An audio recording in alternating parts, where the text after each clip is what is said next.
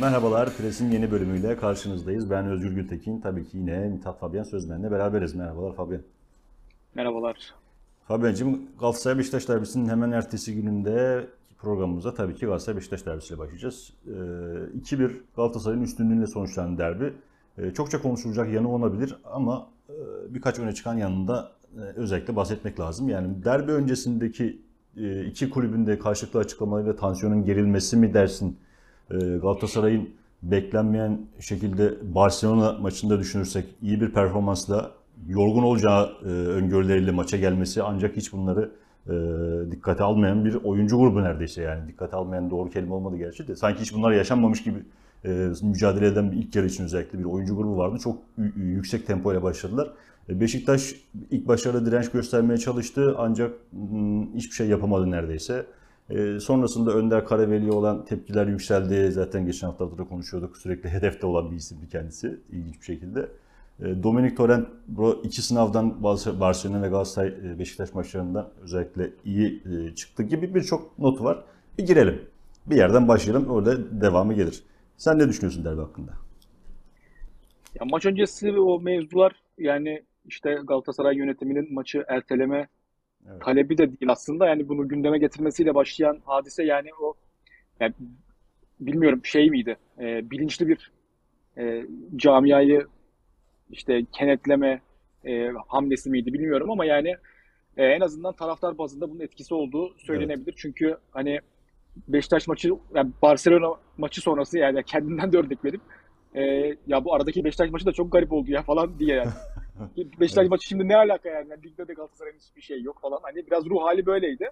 Ama o tartışmalar biraz böyle bence çok futbolculardan ziyade e, taraftarları belki biraz hani etkilemiş e, olabilir. Futbolculara gelince yani bu sonuçta bir derbi yani hani büyük maç. Evet. Tabii E, ki. içerideki atmosfer, taraftar oraya gelecek, dolduracak her türlü filan. O, o ve hani sonuçta profesyonel futbolcular bunlar. Ben hani e, bu tip konularda hani oyuncuların daha çok meseleye taraftar gibi değil de hani buralardan yaklaştığını e, düşünüyorum ve elbette ki e, derbiye göre ya ona göre hazırlanıp ona göre ciddi bir şekilde çıkıp çıkacaklardı. İç sahada oynuyorsunuz sonuçta hani bunun çok önemli bir e, avantajı var. Dolayısıyla hani bu, o performans bakımından o yüzden o kadar da böyle e, şaşırmaya gerek yok bence. Yani hani e, tabii ki oyuncular elinden geleni e, yapacaklardı ve hani o yorgunluk meselelerini de ben biraz e, abartıldığını düşünüyorum. Evet. Yani işte dün Nelson da söyledi. 2-3 günde bir sonuçta maç oynamaya alışık olmamız lazım diye. Yani evet böyle yani. Çünkü bütün dünyada herkes böyle oynuyor. E, bu atla deve değil yani.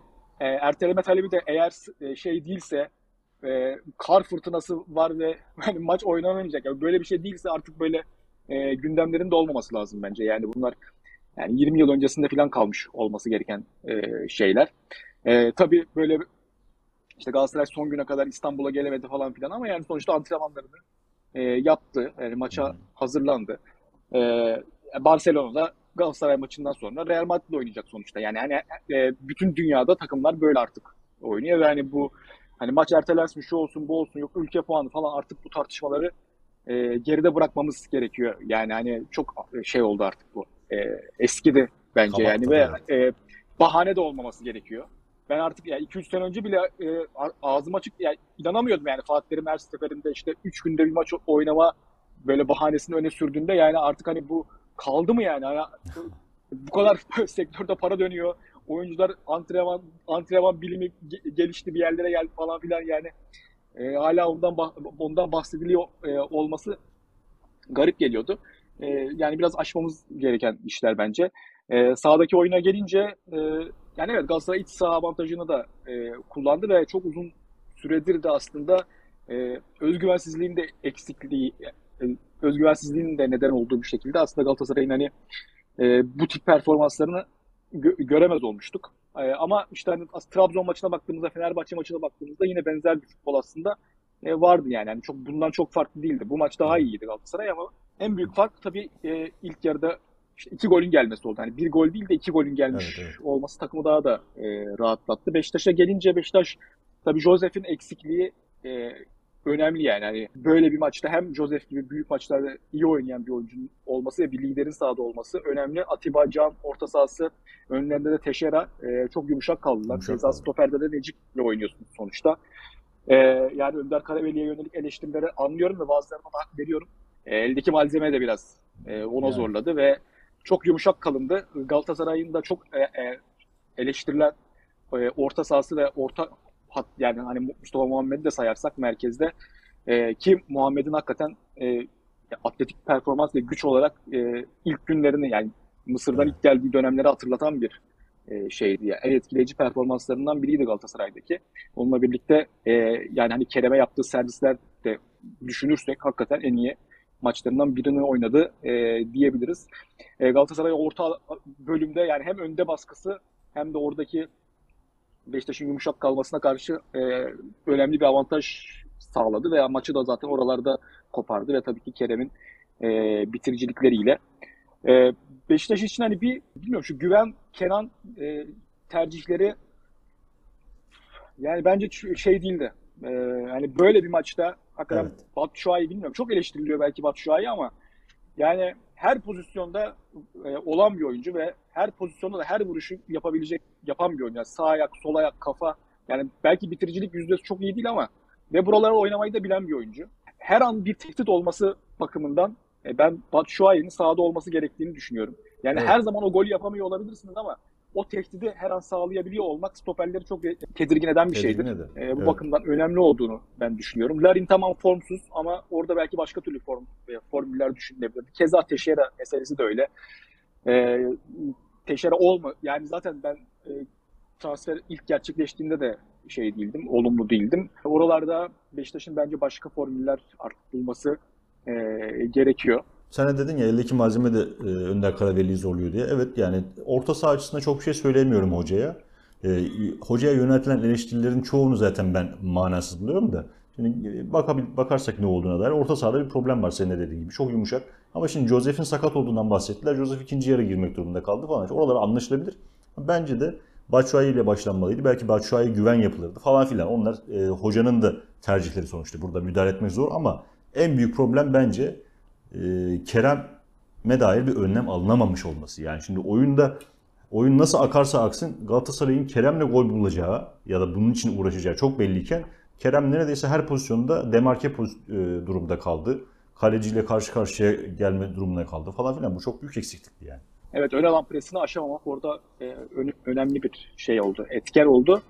E, bir de o presi aşamadığınız zamanlarda da işte geriden e, uzun oynaya, oynayabilmek ve onu bir silaha dönüştürebilmek önemli bir şey. Galatasaray Peña ile bunu çok iyi yapmaya Evet. başladı. Peña da hakikaten e, ayakları çok yani hakikaten yani ilk geldiğinde iyi diyorduk. Herhalde iyidir. Yani Barcelona şeyinden çıkmış bir oyuncu diyorduk, diyorduk ama hakikaten e, ya zaman zaman belki zaten genç bir kaleci ve bir kaleci e, bu anlamda e, şeyini ilerleyen yaşlarda tamamlar. Hani daha üst seviyelere o, o yaşlarda gelir. Hani şu an için işte dün yediği gol için de mesela ya, hatalı olduğu belki söylenebilir ama e, ya güven verme, geriden oyun kurma, e, o sakinliği falan hakikaten e, önemli bir e, kaleci olacağını düşündürüyor.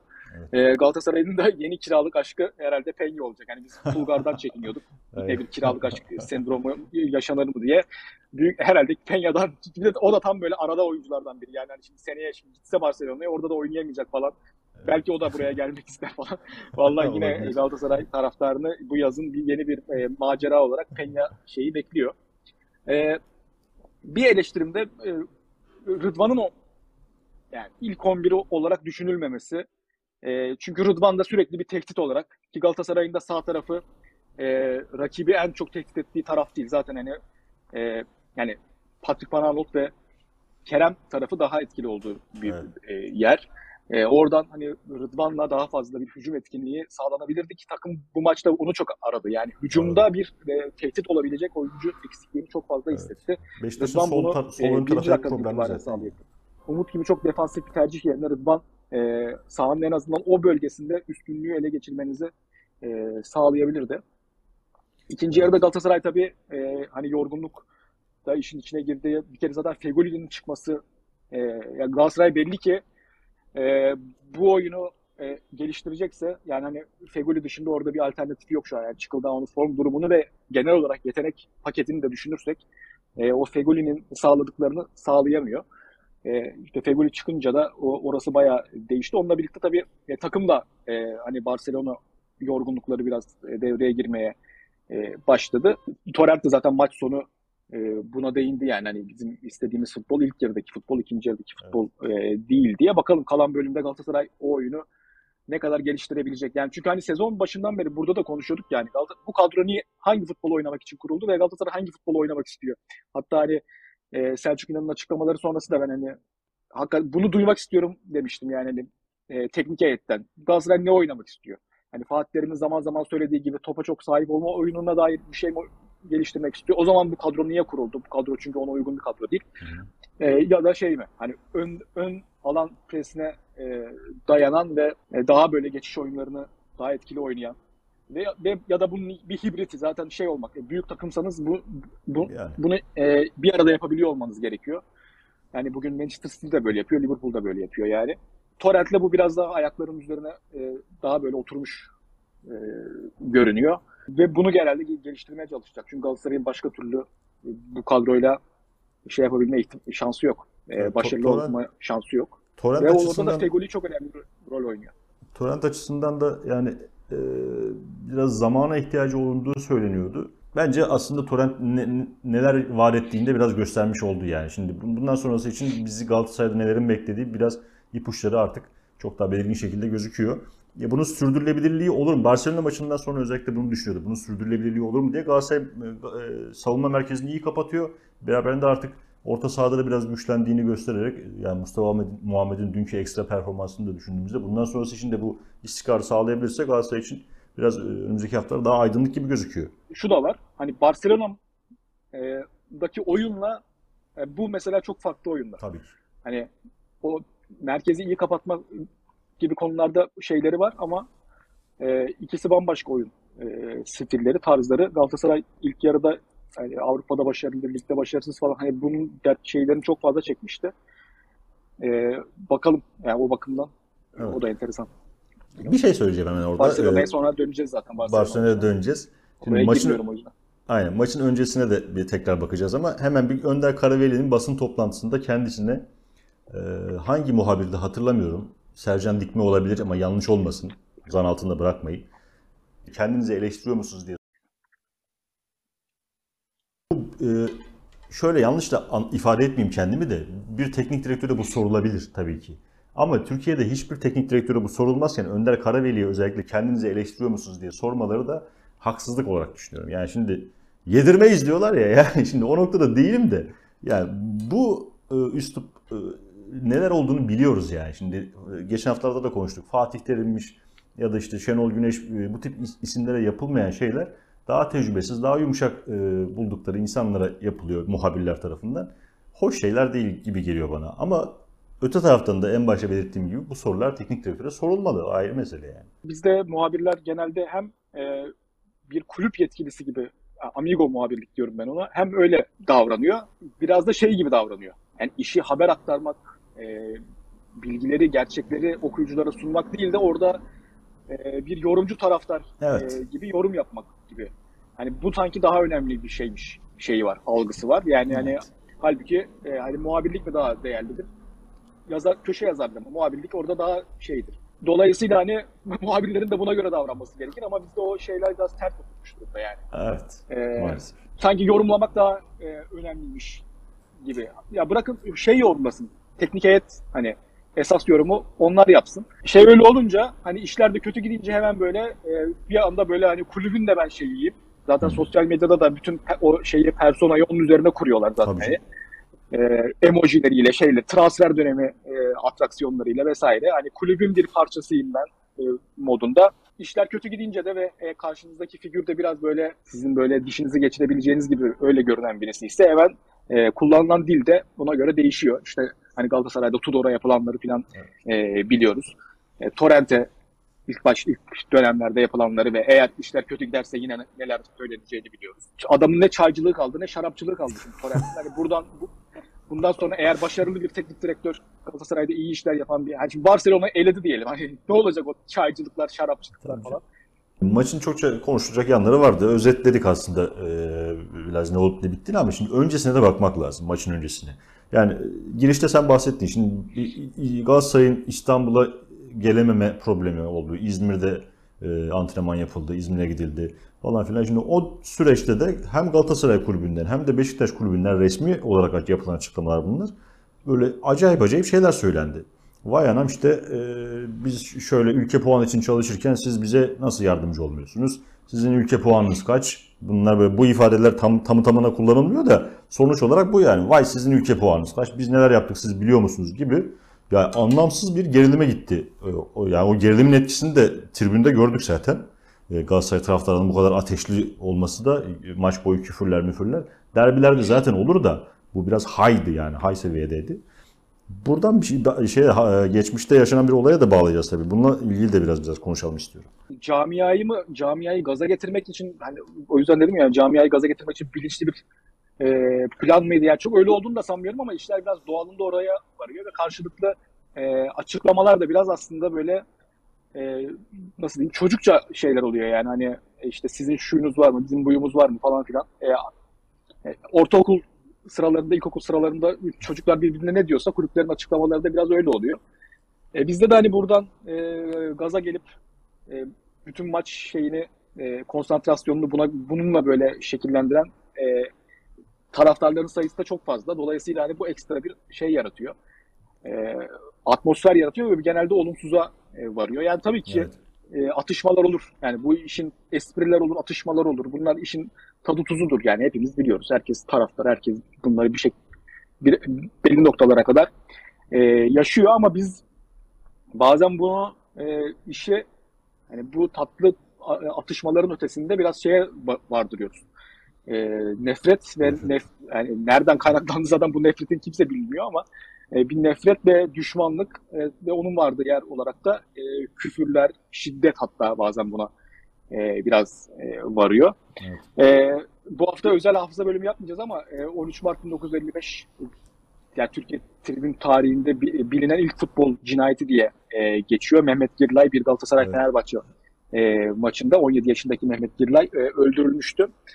E, hani işin nerelere vardığı, varabildiğini gösterebilmesi e, bakımından bu önemli bir e, maalesef tarihimize not düşülmüş acı bir olay. E, evet. E, İnönü o zamanki adıyla Mithatpaşa e, stadyumunda e, yaşanmış e, acı bir hadise. Dolayısıyla e, tabii bunlar hani buradan böyle söyleyerek de olmuyor bu. Sonuçta hayatta her gün insanlar e, bu şeyleri yaşıyor yani bu e, yani nefret olarak e, yaşanan bir e, işte rekabet e, hali var. Dolayısıyla bütün şeylerimiz, e, karşılıklı argümanlarımız, tezahüratlarımız e, vesaire buna göre e, şekilleniyor. E, şimdi mesela maç sonu Galatasaray'ın yaptığı e, paylaşım vardı. Bu mesela işin şey tarafı. Hani e, keşke orada kalsa dediğimiz evet. tarafı. Daha böyle esprili, daha işte kullanılan e, oradaki e, şarkı ve aynı zamanda tezahürat tarihimizde de e, yeri olan e, Hafız e, Saadettin Kaynağ'ın e, muhabbet bağına girdimin yani eserinden uyarlanan işte ararım seni her yerde. E, bizim tezahürat tarihimizde de e, yeri olan e, bir şey. Özellikle herhalde 70'lerde daha çok Beşiktaş'ın e, kullandığı bir tezahürat diye e, biliyorum. Hani bunlar işin güzel e, tarafları. Ama işin e, bir adım ötesine girildiğinde bir de işte, işte tribünde şey vardı. E, hani Şinanay şarkısının kullanılma biçimi evet. e, vardı mesela. Onu ee, yani bunun buradan böyle söyleyerek ya da tribünlere böyle şey yaparak e, tırnak içerisinde adam etmeye çalışarak hani yorumcuların falan yapabileceği bir şey değil. Bu sonuçta hayatın gerçekliği içerisinde e, yaşanıyor ve yani çok e, anlam atfediyoruz ister istemez e, sahada tuttuğumuz takımın aldığı e, sonuçlara ve onun vardığı e, yerlerin yerin değişmesi de hani dediğim gibi bizim burada söylediğimiz şeylerle olabilecek bir şey e, değil. E, hayatta hayatımızda kapladığı yeri yerin farklılaşması e, gerekiyor. Evet. Biz maalesef o ufak atışmaları, ufak esprileri de yani e, çok böyle e, çok fazla alındığımız için ya da böyle hani bize çok e, espri de bize çok ağır geldiği için e, işi direkt böyle bir sonraki aşamada küfre ve şiddete vardır e, biliyoruz. Bizim problemimiz de biraz o. E, ya o noktada belki bir, bir de hani bu hafta hafıza bölümü özel yapmıyorduk dedik ama e, kitap öner, önerisi e, yapabilirim. E, Can Kozanoğlu'nun bu maçı alacağız. O te, bizim tezahürat tarihimize de dair de e, güzel e, vurguları olan e, bir kitaptır. Yani benim en, en sevdiğim e, Türkçe futbol e, kitabıdır e, diyebilirim. Oradan hani bir kısa bir şey de okuyayım. Türk futbolunun macerasının tanıkları o tribünlerdi işte. En olmadık anda en duygusal esintileri üfürecek kadar hoş yerlerdir. Evet kavgalar eksik olmaz, küfürler eksik olmaz. Müdavimler her birinin sıralarına son dakika mağlubiyetlerinin yumruklarıyla kaçar defa çöküp kalmışlardır kim bilir. Tribünler üzerlerindeki insanlarla var olan kaba inşaat ürünleridir sonuçta. İnsanların duygularıyla biçimlenirler, dolarlar, boşalırlar. Türkiye'nin insanları dönem dönem miting alanlarını, sinema koltuklarını, kapalı spor salonlarını terk etmişlerdir.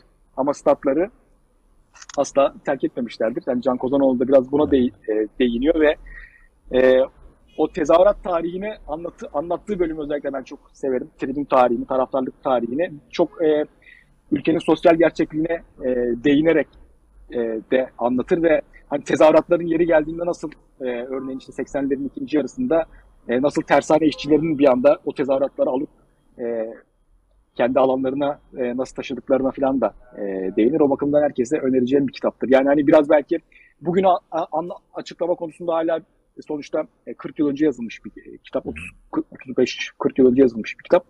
E, bugünü belki e, %100 açıklama açıklayamaz eski bir kitap olduğu için ama e, geçmişe e, anlama konusunda önemli olduğunu düşünüyorum. Evet. Habercim şimdi Galatasaray'ın bir de e, Perşembe günü Barcelona maçı var. Oraya da bahsedelim. Yani derbiye dair daha uzatabiliriz de gerek yok bence aslında. Galatasaray'ın bir Barcelona maçı var Perşembe günü. Ee, ilk maç 0-0'dı. Ee, İspanya'da oynanan maç.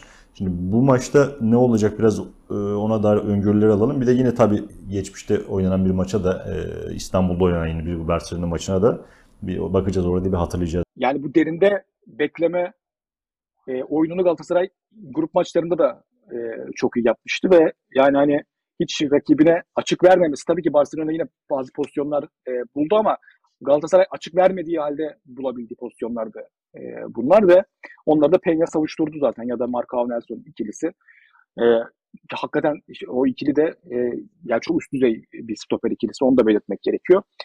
E, yani Galatasaray grup maçlarında yaptığı gibi yine e, derinde çok iyi bekleyerek yani oynayabileceği en iyi maçı oynadı Barcelona'ya karşı. En büyük sıkıntı tabii ki hücum aksiyonlarıydı. Hücum aksiyonları olarak e, çok fazla bu kadronun elinden bir şey gelmiyor. Yani sadece Kerem'le e, bazı planlar geliştirilebildi ya da Peña'nın uzun toplarıyla e, Babel'in ya da işte Muhammed'in indirdiği anlar, pozisyonlar. Ama oradan çok bir şey çıkmadı. Kerem'den bir, birkaç şey çıktı. Ya buradaki maçta açıkçası çok bunun aksini yani bunun, bundan fazlasını belki de beklememek evet. e, lazım. Tabii ki taraftarın etkisiyle e, hem Barcelona'nın bazı genç oyuncuları e, o taraftar baskısından daha fazla etkilenebilir.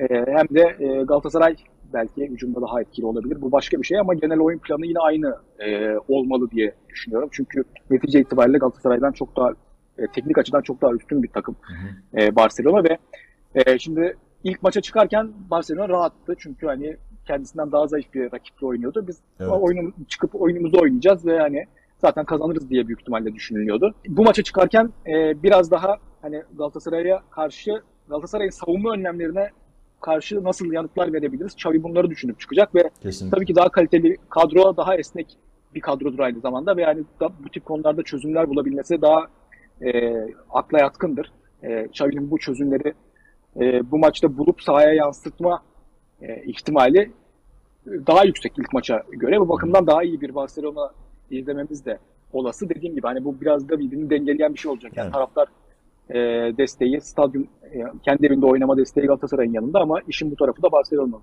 yanında. E, dolayısıyla Barcelona'nın tabii ki e, favori olduğu ama Galatasaray'ın da işi buraya getirmesi bakımından e, hani önemli bir şey. Yani Galatasaray için evet. de bu önemli ve e, azımsanmayacak bir şansı da var sonuçta. E, evet. İçeride oynuyorsunuz. Her şey olabilir. Evet. E, Galatasaray için bu e, şey kötü sezonu e, kötü sezondaki e, Avrupa Kupası maçları e, tek iyi şey oldu. E, tek öne çıkarılabilecek tarafların evet. anımsayacağı e, taraf oldu. E, yani buradan da ileriye taşınırsa Barcelona'yı e, eleyerek hakikaten unutulmaz bir şey olur. Çünkü hani evet. yani Camp Nou'da çıkılan maç e, yani futbolcuları da gördük. Yani aileleri gitti, işte Torrent'in ailesi falan. Yani e, o sahadaki pek çok futbolcu için kariyerlerinin en önemli anıydı. Yani hani başka bir takım çıkmış olsaydı öyle olmayacaktı. E, o bakımdan hani Barcelona ile eşleşmiş olmanın önemini e, gördük. E, biraz ondan önceki Konya maçında niye öyleydi biraz onu da anladım. Çünkü herkesin aklı e, belli ki şeydeydi Barcelona maçındaydı. Evet. Çok öyle yorgunluk morgunluk falan ben şey olacağını da düşünmüyorum. Evet, Hani bu maç evet. futbolcular Motivasyon Ee, biraz daha böyle- yüksek olacaktır. evet motivasyon e, onu dengeleyecektir. O noktada evet yine tarihe dönecek olursak e, bu hafta 19 Mart yapmıyoruz 2002. ama 2001-2002 sezonunda Lucescu'lu ikinci sezon Galatasaray'ın ligde şampiyon olduğu e, sezon Şampiyonlar Ligi'nde de farklı bir e, statü şey vardı yani birinci tur grup aşaması vardı bir de ikinci tur grup İkinci. aşaması vardı. E, şey çeyrek final vesaire ondan sonra geliyordu. Galatasaray, Liverpool, Barcelona ve Roma ilaydı o. E, bir aynı gruptaydı o ikinci e, tur grup aşamasında zor bir grup haliyle. E, ve e, 6. maça ya 6. maç Barcelona ile ve son maç Galatasaray kazanması gerekiyor e, tur atlaması için. hı. E, gruptaki 5 maçın 5'inde de berabere kalmıştı Galatasaray ve e, deplasmandaki Liverpool maçı 0-0 biten. Onun dışındaki bütün maçlarda da öne geçtiği öne geçmiş ama maçları kazanamamıştı. Yani o 5 maçta berabere bitmişti. İşte deplasmandaki Barcelona maçı 2-0 öne geçip 2-2 bitmişti 2-2. vesaire. Ve son maçlar öncesinde de e, Barcelona 6 puanla ikinci, e, Roma 7 puanla e, lider, Galatasaray 5 puanla üçüncü, e, Liverpool'da 4 puanla son sıradaydı. E, Liverpool Roma'yı yendi. 7 puana yükseldi ve gruptan çıkan takım oldu. E, diğer maçta da Galatasaray e, Barcelona'yı yenmesi gereken e, maçta Luis Enrique'nin e, bariz offside, e, Offside. golüyle e, Evet. yendi ve e, diğer çıkan takım da Barcelona olmuştu. E, bakalım hani bu sefer yine aynı şey mi? E, tarihiyle benzer şekilde mi tekerrür edecek? Hani öyle olma ihtimali e, yüksek ama bu sefer e, şurası kesin ki e, öyle offside'dan gol Offside olursa olmayacak. e, var e, devreye girecek ve Evet. yani Yaşasın gol en ya. azından öyle olmayacak yani. Yani heyecanlı bir maç olacağını tahmin ediyoruz. Galatasaray'ın e, yapabileceği en iyi şey belki e, bugünkü koşul açısından düşündüğümüzde 0-0 koruyabilmek olabilir maçın sonuna kadar. Ondan sonra bence e, sürprizleri açık bir hale gelebilir maç. Bakacağız hep beraber. Buradan hemen Süper Lig'e dair birkaç e, önemli nokta var. Onları da kısa kısa geçelim Fabian'cığım. Şöyle ki e, Fenerbahçe'ye özellikle bir bakmak lazım diye düşünüyorum. Şimdi Fenerbahçe'nin e, Alanya Spor'la oynadığı maçta 5-2'lik bir galibiyet var. Yani 5 golün e, 3'ü neredeyse artık maçın son bölümünde geldi diyebiliriz. 2-2'lik bir dön şeyde durum oldu maçta. Ya Alanya Spor'un e, genel karakteri bu olmaya başladı son dönemde. E, gol atan, gol yiyen, çabuk gol yiyen bir e, şey karakterde Alanya Spor. Ama Fenerbahçe açısından önemli bir nokta var burada Arda Güler meselesi. Yani maçtan sonra da 5-2'lik galibiyetin önüne de geçen bir e, isim oldu Arda Güler haklı olarak. Neden? Şimdi Arda e, sıradan bir genç oyuncu değil. Sıradan derken şöyle yani genç oyuncuları sahada görmek hepimizi heyecanlandırıyor. Taraftar ayrıca bir gaza geliyor bu durumdan. Her takımda böyle oluyor. Ama Arda Güler'de başka bir şey var. Şimdi bu çocuğun e, kumaşı gerçekten fa- farklı. O çok belli oluyor. Ya hem Alanya'nın e, özellikle ilk 20 dakika sonrası belki daha fazla istediklerini yapabildiği hem Fenerbahçe'nin Alanya'yı kimi bölümlerde iyi karşılayıp özellikle maçın başında pozisyonlar bulduğu e, bir müsabakaydı ve hani e, 2-0 öne geçti 2-2 oldu. Belki de Farioli 2-2'den sonra e, oyunu hani bu kadar galibiyet için bu kadar abartı hamleler e, yapmayıp oyunu tutmayı düşünse belki galibiyete de daha yakın olurdu ya da en azından Evet. skoru koruyabilirdi. Ama hakikaten hani yani Nova işi geriye çekme e, seviyesinde e, hücum e, değişiklikleri gelince Fenerbahçe'de e, Arda Güler'in de oyuna girdikten sonra yani hani attığı golü düşünürsek sadece yaptığı vuruş oraya koşusu değil e, o pozisyonun başlangıcında oyunu sola çevirişi falan da yani o, o da Arda Güler'in maharetiyle çok e, alakalıydı. Ve Arda Güler'in çok büyük e, pay sahibi olduğu e, bir e, son 10 15 dakikayla birlikte Hı hı. 3 gol ve 5 gibi çok e, e, çarpıcı bir galibiyet hakikaten. E, yani Alanya deplasmanında böyle 5 gollü bir galibiyet almak e, yani e, müthiş Önemli. bir şeydir. Dolayısıyla tabii Farioli'nin tercihlerinin de e, rol oynaması bunda etkili ama e, Arda Güler faktörü belki de daha keyifli öne çıkarılabilecek e, Evet. bir şey. Yani hani topa dokunduğu anda zaten farklı bir şey olduğunu e, hissediyorsun. Ve e, hani o farklı şeyin de artık hani tarih yani şey boyunca pek çok genç oyuncunun e, çıktığını ve e, parlayıp söndüğünü de gördüğümüz için hani Emre Mor'daki tedirginliği ben yaşamadığımızı hissediyorum mesela. Evet. Hani daha olgun bir futbol, e, daha olgun bir karakter e, gördüğümüzü en azından e, bunu hissediyoruz. Ama her şeye rağmen e, çok genç olduğunu da unutmamak lazım. Daha yani 17 yaşında e, halen üzerinde titrenmesi gereken e, bir e, yetenek. E, o bakımdan E, yani dilimizi ısırarak da e, konuşuyor olsak da hani e, çok çok üst seviyelere çıkabilecek. Yani hani belki işte Emre Belezoğlu'nu falan da yani, yani Emre Belezoğlu, Arda vesaire hani bu, bu oyuncuların da çok çok üstüne e, çıkabilecek yetenekte e, bir oyuncu olduğunu e, ve bu bakımdan e, çok heyecan verdiğini e, ligin belki de son dönemecinde en heyecan verici şey belki de Arda Güler'in evet. e, sahada olduğu anları izlemek olacak hani lige dair. E, o seviyede bir oyuncu olduğunu söylemek lazım. E, bu maçtaki de yani bütün dokunuşları, asisti de, e, golü de bu anlamda e, bu seviyedeydi. Evet. Burada aklıma bir şey takılıyor. Onu da sen nasıl sormuş olayım. Şimdi oyun e, sen de bahsettin bu tip oyuncuları e, biraz tedirginlikle yaklaşıyoruz. Yani kaybetmemek açısından diye ama oyuncuların, genç oyuncuların oynatılıp oynatılmaması meselesinde genelde bunu teknik direktörler kullanıyor.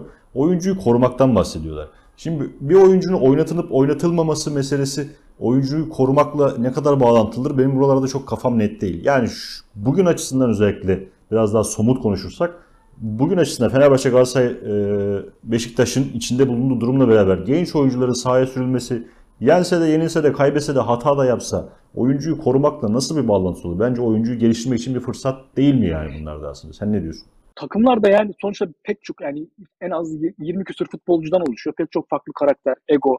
Hani bunların hepsinin bir araya girdiği bir şey. O, o bakımdan e, teknik direktörleri anlamak için de şimdi bazen düşündüğümde e, çok farklı farklı dengeyi e, bir arada götürmeye çalışıyor olabilirler. Evet. O bakımdan hani Arda'yı korumak da bazen mesela biraz da Mesut'un gönlünü yapmak anlamına geliyor olabilir. Yani hani biraz da şu Mesut'un gönlünü yapalım da e, Mesut da e, takım içerisindeki başka dengeleri tetikleyip e, örneğin içten içe Arda'ya karşı e, bir şeyler e, beslenmesine yol açmasın falan gibi atıyorum yani hani Anladım. örnek olarak veriyorum ama hani bunun gibi bizim bilemediğimiz başka pek çok şey de olabilir. Doğru. Ee, yani bazı e, böyle olabilir yani bilemiyorum. Hani bir de şimdi Kasımpaşa maçında da e, ilk 11 başlamıştı mesela. O maçta çok fazla varlık gösterememişti falan. E, bazı böyle şeyler de olabilir. Ama o, ee, yani oyuncu sahada sonuçta, sonuçta Arda, kazanacak. Kazanıl, kazanılacaksa evet. bir oyuncu sahada kazanılır diye düşünüyorum. Bilmiyorum. Evet ama şey Arda Güler de zaten hani e, çok fazla kenarda tutabileceğiniz bir oyuncu da olmayacak zaten. Yani hani belki birkaç hafta sonra bu tartışmaların hepsini e, unutacağız ve Arda zaten hani çok rahat bir şekilde her maçta ilk kontrol oynayan bir oyuncuya e, daha dönüşmüş e, olacak. Belki de öyle bir şey var ama ya bizim de tam tam böyle tahmin edemediğimiz pek çok farklı dinamik e, şey falan devrede olduğunda e, işte hocalar hakkında da çok böyle kestirme şeyler de söylemek evet. e, hiç, hiç doğru değil. açıkçası doğru, ama doğru. şey falan olduğunda evet eleştiriyoruz ama hani mesela işte ben ol, ben benden önce Arda'yı kim biliyordu falan demişti ya mesela İsmail Kartal. Yani o mesela çok saçma bir açıklamaydı. Ee, ama bu tip bu tip tercihlerde e, çok net, çok fazla bir şey bilmeden de e, çok spekülasyon da yapmak istemiyorum açıkçası. Doğru diyorsun. Yani o, o vurgu önemli senin yaptığın. Şimdi bir futbol takımında 20-25 kişiyle uğraşmak, başkanıyla ayrı, taraftarıyla ayrı uğraşmak falan buna hiç kolay işler değil. Biz böyle dışarıdan biraz rahat konuşuyoruz. Tabii o e, sonuçta teknik direktörlerin neler yaşadığı onlara e, kalmış biraz. Geçelim Süper Lig'deki diğer hızlı hızlı e, konu başlıklarımıza bir bakalım. Şimdi Trabzonspor Show'dan bahsedebiliriz yine bu hafta. Ya Trabzonspor en keyif veren futbollardan birini oynuyor. Lig sonuna yaklaştıkça artık. Genelde mesela şampiyonluğu bu şekilde böyle biraz da garantilemiş, puan farkını aşmış takımlarda bir ivme düşüklüğü görürüz ama Trabzonspor'da hiç öyle bir şey görmüyoruz. Bu hafta Göztepe ile oynadılar. 4-2 bitti bir de. Gollü maçlarda oluyor yani. Çok keyif veriyor. Orada birkaç önemli nokta var. Onlardan bahsetmek lazım. Şimdi Trabzonspor ile Konyaspor'un puan farkı 15 bu hafta itibariyle. 9 hafta kaldı bitime bu puan ve averaj farkları korunursa Trabzonspor 5 hafta kala şampiyonluğu ilan ediyor ve rekor kırmış olacak. Rekor 3 haftayla Fenerbahçe'deydi. Yani e, burada önemli bir durum var. Yani bu puan farkı da açılabilir ve Trabzonspor şeyde 5 e, haftadan daha da erken ilan edebilir şey şampiyonluğunu yani. Şubat hatta Ocak'ta falan mıydı yani bilmiyorum. Hani Trabzon şampiyonluğu ne kadar yani tabii ki e, matematiksel anlamda değil ama hissiyat olarak e, yani en erken ve en e, domine eden şekilde kazanılan şampiyonluk e, olacak büyük ihtimalle. Evet 9 haftada 24 puan toplarsa Trabzonspor kalan 9 haftada 94 puanla puan rekoruna da ulaşacak. Bakacağız yani bunların hepsi için Trabzonspor güçlü bir aday tabii onu da söyleyelim yani yapamaz demiyor sanırım kimse.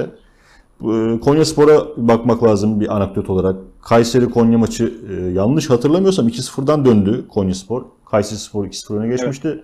Konya Spor 3-2 yaptı.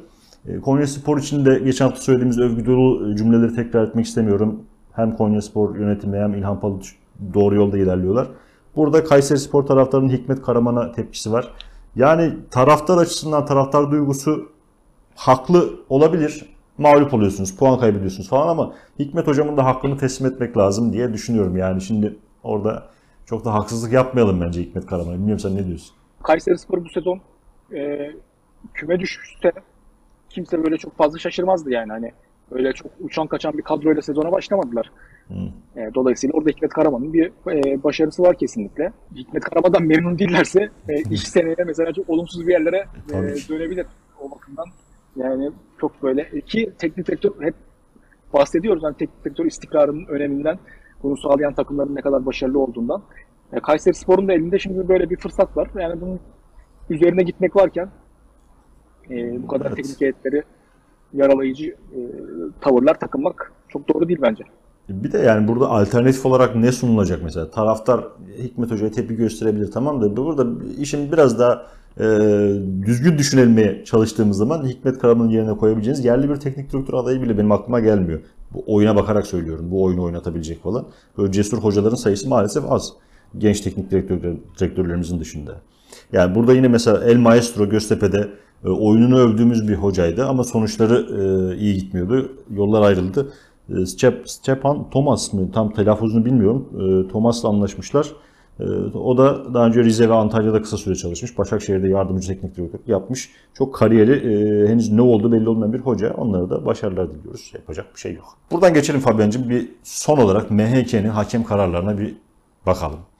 Yani şimdi ne anlatacağız buraya dair? Yani haber değeri taşıyan çok şey var da şöyle ilginç bir durum var burada. Sen de tabii ki ta- e, takip etmişsindir. 13 hakem galiba bu 13 sayısı yanlış hatırlamıyorsam o say- sayıları tam olarak aklımda tutamayabilirim de 13 hakem birden el çektirildi. Şimdi bu 13 hakemin arasında Cüneyt Çakır var. Beğenirsiniz beğenmezsiniz Dünya Kupası yönetmiş hakem. Yani Şampiyonlar Ligi'nde e, maça çıkmış hakem. Fırat Aydınus, Ali Palabıyık, Bahattin Şimşek falan filan. Yani bunlar her hafta maçlarda görmeye alıştığımız isimler. Şimdi bunların bir anda kenara oturtuldu. Sebep de Türk hakemliğinin yeniden yapılanma çalışmaları. Yani MHK'nin yaptığı ya da yapmadığı açıklamalardan mı bahsedelim? Kulüplerin sessiz kalmasından mı bahsedelim? Fenerbahçe ile Başakşehir bir şeyler söyledi. Bunlara hemen cevap yapıştırıldı MHK'den. Yani bu nasıl bir ortam? Biz ne yaşıyoruz? Bizim biri anlatsın yani. Çok ilginç ya. Türk futbolunun yönetilişine dair zaten hani e, yani pek çok farklı eleştiri e, yaptık, e, yapıyoruz ama yani bu belki de en garip ve e, simge anlardan biri oldu. Yani hani Evet. e, şu 10 küsur hakemin bir anda böyle el çektirilmesi. Yani eğer şey yoksa yani hele sezonun bu döneminde böyle bir şey yapılıyorsa insanın aklında sadece e, şike, bahis Evet. bilmem yani böyle bir şey gelir ve büyük ihtimalle buna dışarıdan bakanlar da böyle düşünüyor. Ama böyle bir şey olmadığı da söyleniyor.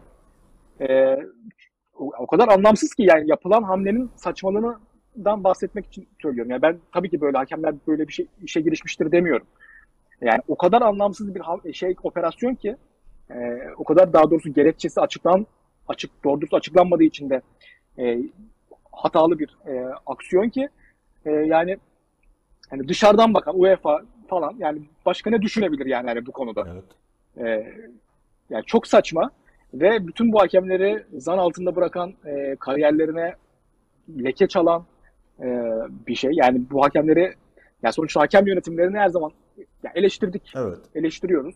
Bu başka bir şey ama e, hani böyle bir e, kara çalmak hakemlere e, bu başka bir şey ve kimseyi de ikna ede- edemiyorsunuz Edemezsin. şeye Türk- dair bu Türk hakemliğinin dair. yen- yeniden yapılanma çalışması demişsin ve titizlikle yürüttüğümüz yeniden yapılanma çalışması demişsin de yeniden yapılanmayı baltalayarak yapamazsın yani bir şeyler açıklaman lazım. Bu nasıl bir yapılanma çalışması? Bu çalışmanın temeli ne? Bu çalışma sezon ortasında 13 hakemi kenara koyarak iyi bir şey yapılıyorsa inanılmaz yani dediğin gibi bunun, bunun gerekçesinin açıklanması lazım. Ama yani MHK ve TFF e, yıllardır yaptığı rezaletlerin üzerine kimse bunlardan hesap sormadığı için yenisini eklemekte bence behis görmüyor yani. Bu Olcan Çağlayan meselesinde de çok fazla bahsetmiştik. Evet. Futbolun zirvesindeki bazı e, çıkar çatışması içeren e, ilişkilerin bu kadar belirleyici olmasına dair işte orada bazı figürler hep öne çıkıyordu. İşte Servet Yardımcı'dan e, Çaykur Rizespor yönetimine ve başkaca isimlere kadar e, ve yani Nihat Özdemir tabii en tepedeki isim. Bunların siyasetle bağlantıları başka bir şey. Bunların ticari bağlantıları başka bir şey. Bunların kamu bankalarıyla olan kimi ilişkileri e, başka bir şey vesaire. Hani bunları hep konuştuk ve bunların alınan kararlara nasıl etki ettiğine dair. Yani Türk futbolunun aslında şu andaki en büyük meselesi e, bu. Oğulcan Çağlayan meselesi itibariyle bu işte Galatasaray bunun üstüne biraz böyle gider e, gibi oldu ama anında e, bir yanıt mı geldi diyeyim bilmiyorum yani hani ilk yarıda yaşanan pek çok garip e, şeyi nasıl yorumlamak e, gerekiyor ama e, ve e, daha sonra tamamen sustuğunu gördüm. Bu olay sonrası verilen tepki de mesela e, şey Galatasaray'ın verdiği tepki çok cılız bir tepki mesela. Hani Fenerbahçe'nin ve Başakşehir'in açıklamalarına göre çok daha cılız. Evet. E, o da enteresan. Konuşulan şey şu anda hani e, işte e, Trabzon, Beşiktaş ve Çaykur Rizespor e, yönetimlerinin bir işbirliği içerisinde oldu ve bu hakem listelerini e, belirlediği. Buna karşılık e, Fenerbahçe ve, ve Başakşehir'in ve herhalde onlara biraz daha böyle şey destekçi olarak, daha böyle sessiz destekçi olarak e, Galatasaray'ın da işte buna tepki gösterdiği ve tepede böyle bir ayrışmanın yaşandığı e, ilk başta bahsettiğimiz üç e, takımın listesinin ve istediği hakemlerin yola devam ettiği şeklinde böyle e, yorumlamalar e, e, var. Veya bunun eğer bu hakikaten böyleyse e, yani bunun Türk futbolundaki hiçbir şeyi çözmeyeceği açık. E, kaldı ki işte şimdi Kulüpler Birliği'nin e, parçalanacağından vesaire e, işte Fenerbahçe'nin Başakşehir'in özellikle Kulüpler Birliği'nden ayrılmayı gündeme getirdiğinden falan bahsediliyor. Eğer meseleler gerçekten böyleyse e, hani birkaç hafta önce e, Murat Sancak bir FETÖ'cüler falan çıkışı yapmıştı evet. Adana Demirspor e, başkanı. Ben de şey demiştim yani hani e, taraflar aynı pa- paralelde olunca ve ama işler bazılarının istediği gibi gitmeyince e, da, dolayısıyla içerideki e, iktidar mücadelesinde bir taraf e, öne çıkınca e, hani bu tip e, gruplaşmaların olabileceği ve o iktidar mücadelesinin farklı biçimlerde e, yürütülebileceğinden bahsetmiştik. E, Türkiye'deki siyasi dengeler içerisinde bu farklı taraflar tarafları e, taraflara kulp takmanın e, biçimi FETÖ'cüler e, oluyordu. Eğer iş, işler hakikaten böyleyse e, demek ki bu, e, bu iç iktidar e, mücadelesinde böyle bir saflaşma e, oluşmuş e, demektir. Ve yani bunun hiçbir şeyi çözmeyeceği, Türk futbolunun sorunlarını kesinlikle çözmeyeceği e, ortada. E, dolayısıyla sadece yeni bir kaosun başlangıcı e, olmuştur e, diyebiliyoruz bu hamleler için ve çok daha olumsuz noktalara doğru da e, işler gidebilir ya da belki de daha olumlu olur. Bütün bu yapı baştan kurulur. Federasyon başta olmak üzere. E, işte Kulüpler Birliği'nin durumu başta olmak üzere. E, hepsi e, baştan kurulur ama şu anda olan da şey oldu. E, bu 13 tane hakeme oldu. Evet. Özellikle Cüneyt Çakır hani belki çok eleştiriliyor Türkiye'de vesaire ama e, Türkiye tarihinde en kariyerli hakemi. E, hani dünya hakemlik tarihinde bir yeri var sonuçta bu e, ismin. E, e, onlar bakımından da e, çok hak, ed- hak edilen e, bir şey olduğunda e, düşünmüyorum. En büyük haksızlık da belki de Trabzonspor'a yapılıyor. Yani bu e, ortamda çünkü e, hani ister istemez e, şaibeden bahsetmek isteyenlerin, bunu öne çıkarmak isteyenlerin e, ağzına daha fazla laf veriyor, veriyor evet. ki e, Ali Koç'un açıklamasında e, yani hani Ali Koç'un takdir ettiğim nadir açıklamalarından biriydi. Orada mesela Trabzonspor'un hakkını vermesine de yani şampiyonluğu şu anda hak ederek kazandığını söylemiş olması da e, bence önemliydi. Onu da ona da değinmiş olalım. Evet evet. Yani belki yeniden kurulmasına vesile olabilir ama şimdi kurucuların da çok farklı Kurucular kim olacak yani? olmayacağı için evet. çok umut verici bir durum yok ortada. Yani e, Başakşehir ve Fenerbahçe'nin sorduğu sorular e, orada mesela Fenerbahçe e, tarafından yüksek performansla görev süresi uzatılan hakem nasıl oluyor da hemen birkaç hafta sonra görev dışı kalıyor diye yani önemli sorular bunlar herkesin sorması gereken. Bunlar Fenerbahçe ve Başakşehir dillendirmiş. Yani Fırat Aydınus'tu sana. Fırat Aydınus emekli olacaktı. E, jubile yapacaktı ama tekrar görev süresi uzatıldı. Performansı yüksekti falan diye. Yani bilinmez sorular ve kimse de cevap vermiyor bunlara. Bakıp izleyip göreceğiz biraz yani. Fabian'cığım bu haftalıkta o zaman bu kadar diyelim. Çok böyle iç açıcı konulara değinemedik. biraz e, sonuna doğru can sıkıcı oldu ama yapacak bir şey yok maalesef. gündem böyle. Teşekkür ederiz yine. Ben teşekkür ederim. Önümüzdeki Görüşmek hafta görüşmek üzere.